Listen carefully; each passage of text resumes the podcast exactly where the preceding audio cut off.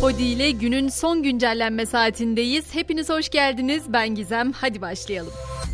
Bartın Amasra'daki maden faciası ile ilgili son gelişme AK Parti'nin maden kazasının araştırılması için önerge verecek olması, öte yandan savcı sayısının 6'ya yükseltildiği soruşturmada sürüyor. Bu kapsamda işletme yetkililerinin ve madencilerin ifadelerine başvuruluyor. Maden sahasındaki güvenlik sistemlerinin de yer aldığı tüm teknik cihazlar da incelenmek üzere toplanmış durumda. Patlamaya neyin yol açtığı bu soruşturma sonrasında belli olacak. Üzerinde durulan konuysa ihmal şüphesi.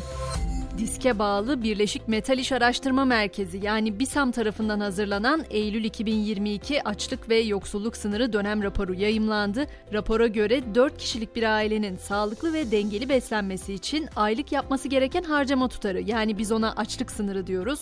O 7300 lira oldu. Yoksulluk sınırı ise 25 bin lirayı aşmış durumda. Sayılar her konuştuğumuzda biraz daha zirveyi aşmış durumda diyoruz ama bir yandan da her şeye zam gelmeye devam ediyor. Bir süredir de sigara zamlarını konuşuyorduk. Tekel Bayi Yardımlaşma Derneği Başkanı Erol Dündar iki sigara grubuna daha zam geldiğini açıkladı. Yapılan zamlardan sonra en ucuz sigara 24 lira oldu. Yine hatırlatmamızı da yapmadan etmeyelim sigara içmek hem sağlığa hem de cebe oldukça zararlı.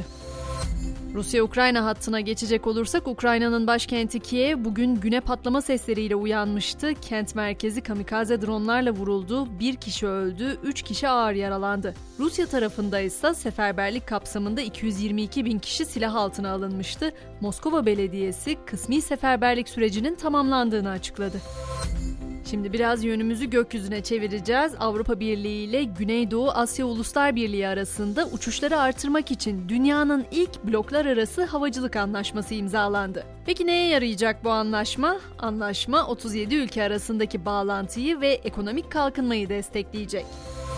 Gökyüzünün biraz daha ötesine bakacak olursak peki bilim insanları şimdiye kadar görülen en parlak ışığı gözlemledi. Uzmanlar ışığın muhtemelen bir kara deliğin oluşumu tarafından tetiklendiğini düşünüyor. Güneşten 30 kat daha büyük bir yıldızın ölümünden kaynaklanan gama ışını patlamasının dünyadan 2,4 milyar ışık yılı uzaklıkta meydana geldiği ve hayal edebilecek misiniz emin değilim ben çok edemedim ama 18 trilyon volt gücünde olduğu belirtiliyor. Yine uzayla ilgili bir diğer haberse Avrupa Güney Gözlem Evi'nden orada da bilim insanları iki öte gezegenin etrafında baryum buldu. Demirden iki buçuk kat daha ağır olan baryum şimdiye kadar keşfedilen elementlerin en ağırı olmasıyla tanınıyor.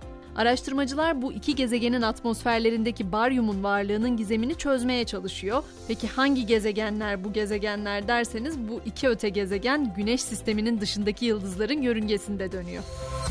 Biraz da sosyal medyaya bakalım. Facebook haber özelliğinin fişini çekti ve yıllar önce hayata geçirdiği Instant Articles özelliğini kapatma kararı aldı. Mark Zuckerberg'ün cesur ve yeni dünyası Metaverse ise eleştirmenlerden ve yatırımcılardan pek güven oyu almışa benzemiyor. Zuckerberg'ün sahibi olduğu Meta şirketinin hisse değerleri düşerken kişisel serveti de azalmış durumda. Metaverse projesi onu dünyanın en zengin 20 insanı arasından çıkardı.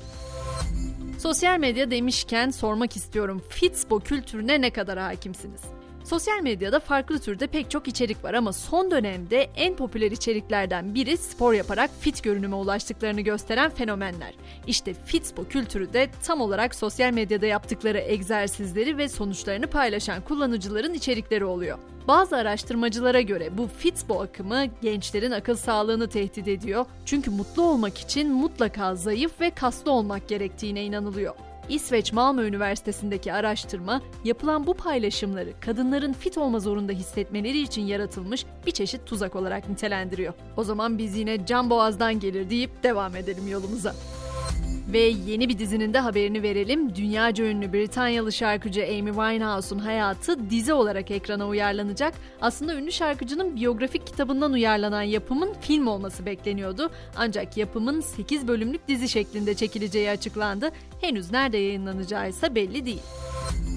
Spor ve yargı başlıklarının kesiştiği noktadan bir haber de var. Neymar'ın 2013 yılında Santos kulübünden Barcelona kulübüne transferinde usulsüzlük ve yolsuzluk yapıldığı suçlamaları ile ilgili dava başladı. Neymar hakkında 2 yıl hapis, 3 yıl futboldan men ve 10 milyon euro para cezası isteniyor.